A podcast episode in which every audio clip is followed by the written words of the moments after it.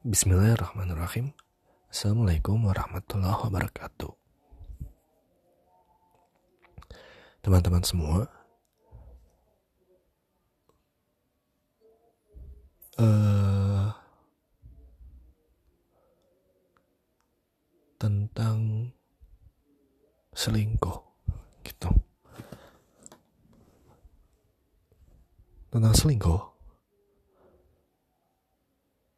saya itu dulu berpikir ketika saat itu dan mungkin waktu pas sebelum tahu konsep ini gitu ya saya merasa bahwa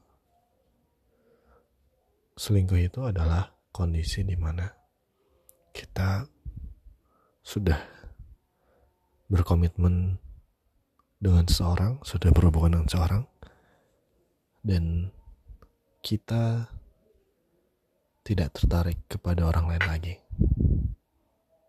Gitu. Dan kalau seandainya ternyata kita tertarik kepada orang lain, maka itu namanya selingkuh. Gitu. Jadi anggapannya kita tidak tidak boleh merasa tertarik kepada siapa pun lagi selain pasangan kita.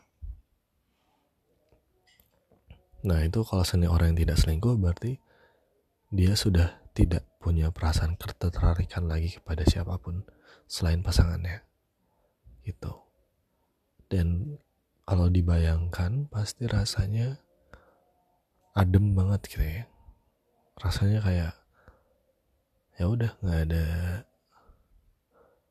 nggak ada kepikiran buat uh, tertarik tarik lagi tuh. Jadi yang nggak selingkuh itu dan yang namanya setia itu ya dalam keadaan kayak gitu gitu.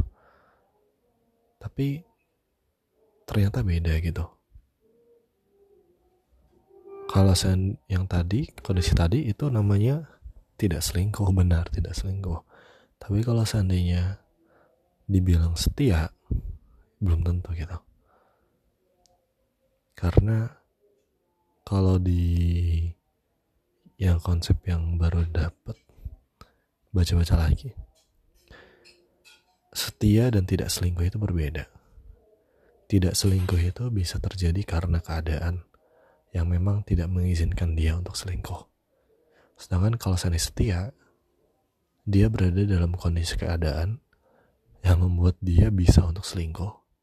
Tapi dia tetap menahan dan menolak dirinya dari tindakan selingkuh. Ya, ini masuk akal ya karena tidak semua orang punya kesempatan yang sama untuk selingkuh. Ada tipe orang yang memang ya ya dia sama pasangannya memang kayak gitu dan uh, dia untuk selingkuh pun susah gitu karena memang bukan tipe orang yang uh, dalam tanda kutip butterfly bagi lawan jenisnya gitu otomatis itu tidak akan selingkuh kan. Walaupun dalam hatinya mungkin ada keinginan tapi orang lainnya pun tidak mau diselingkuhi oleh dia gitu. Dan ini sekedar tidak selingkuh. Tapi apakah ini dibilang setia? Ya belum tentu gitu. Ya itu namanya setia tapi setia yang dimaksud di sini adalah setia yang uh,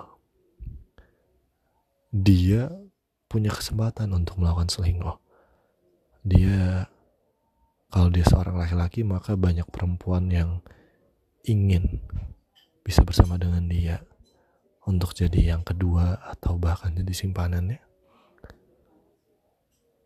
Kalau sendiri perempuan maka uh, dia senantiasa diperbutkan dan uh, ada orang-orang lain yang bersedia untuk memberikan ini itu supaya si perempuan ini mau gitu ya.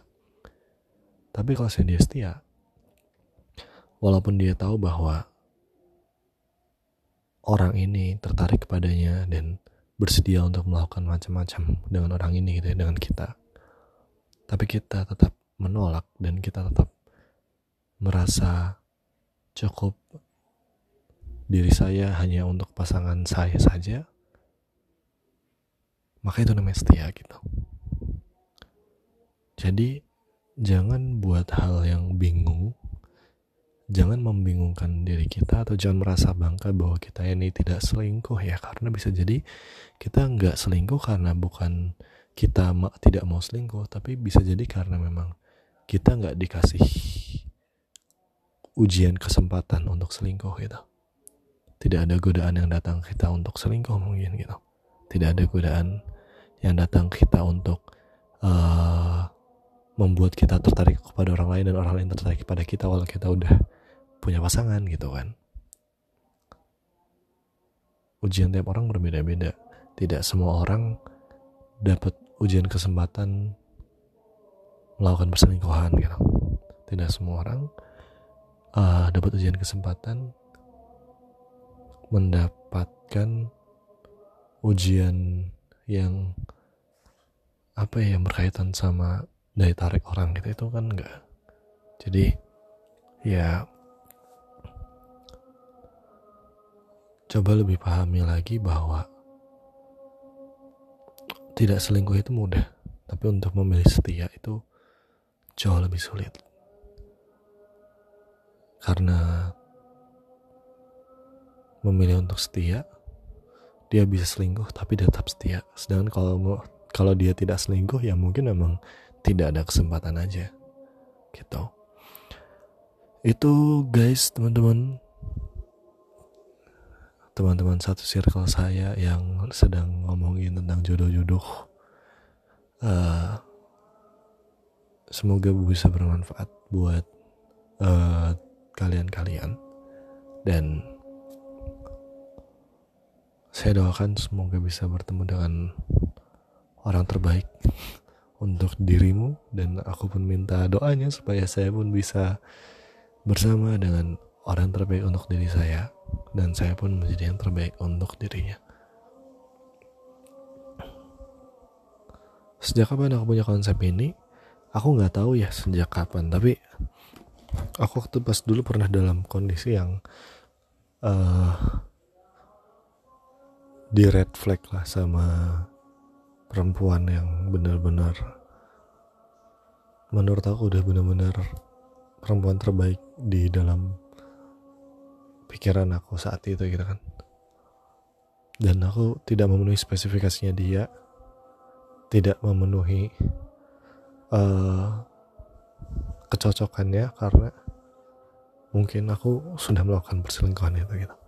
Dan aku pahami aku sadar aku salah dan segalanya gitu ya.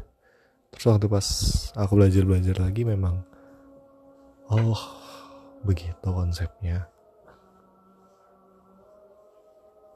Jadi ya uh, ini aku ngomong apa sih? Ya intinya gitu makanya aku berani sharing gitu deh sekian ini udah subuh guys saatnya. Siap-siap ke masjid